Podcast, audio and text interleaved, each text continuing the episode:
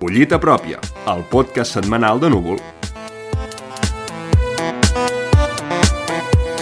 Hola a tothom i benvinguts a Collita Pròpia, el podcast setmanal de Núvol, on destacarem aquelles entrevistes, reportatges i articles destacats del digital de cultura. Això sí, amb no més de 10 minuts.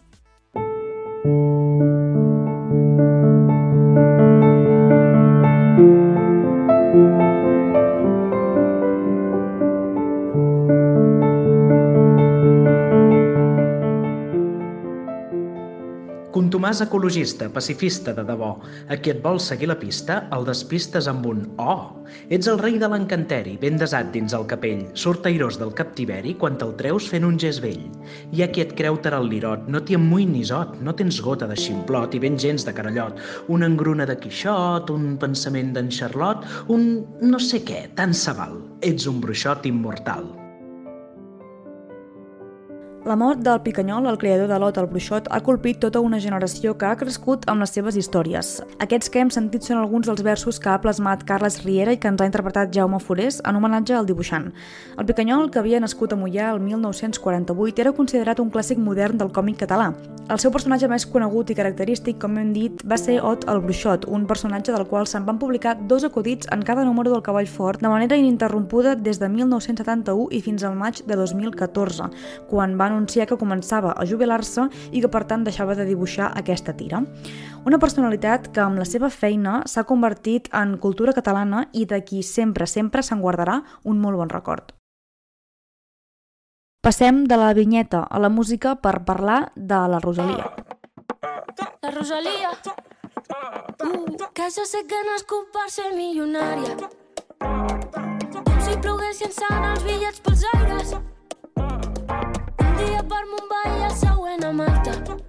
La jove cantant de Sant Esteve, Sal Rovires, que ha revolucionat el món de la música, sobretot des del llançament del seu disc El Malquerer. Artista internacional, però amb un fort arrelament a la seva terra, a Catalunya, i no se n'amaga. Des de cançons en català, com la que tenim de fons, com publicacions a les xarxes. La Rosalia ofereix al món petites traces de la cultura i la llengua catalana, i aquesta setmana ha tornat a revolucionar les xarxes amb la publicació d'un vídeo i fotografies on ella mateixa es posava unes Nike AF1 Espardill, un model que ella mateixa ha dissenyat per fer un homenatge al seu avi, un home que treballava de sol a sol i calçava espardenyes. En comptes de cordons, aquestes bambes tenen vetes i es lliguen com unes espardenyes al voltant dels turmells.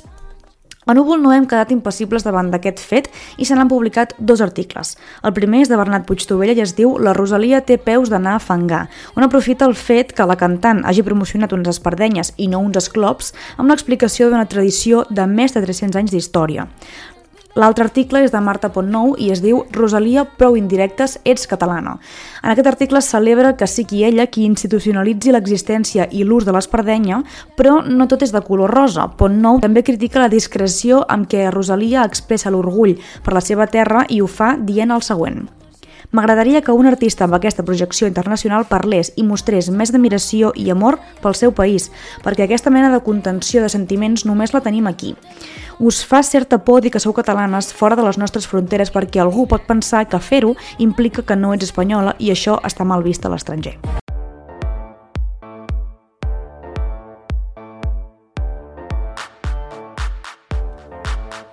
Canviem radicalment de tema i passem a comentar una entrevista que jo mateixa, Anna Hernández, vaig fer. És a l'autora francesa Karine Tuil, guanyadora del Gran Premi Goncourt, el premi literari de més prestigi a França.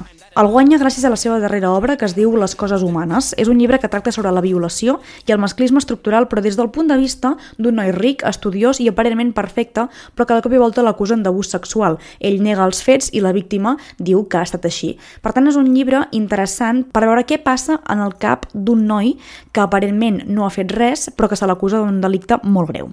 L'autora explica que res del que es diu en el llibre és inventat sinó que és fruit de moments que ella mateixa ha vist, ha sentit o ha viscut en relació amb aquest tema. De fet, explica que va assistir a un munt de judicis sobre violacions i abusos sexuals i el resultat de tot plegat ha estat aquest llibre.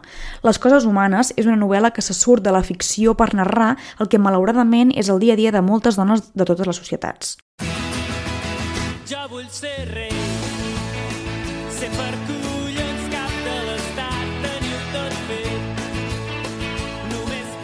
Els pets cantarien Jo vull ser rei i el Ramon Solsona diu Jo vull ser conseller.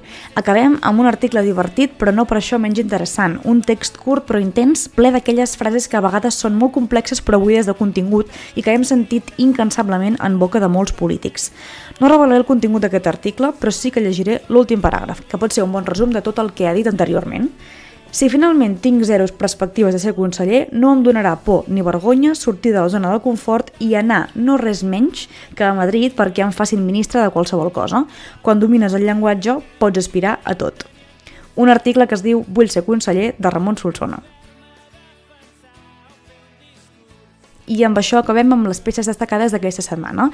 Jo sóc Anna Hernández i ens retrobem altre cop la setmana que ve.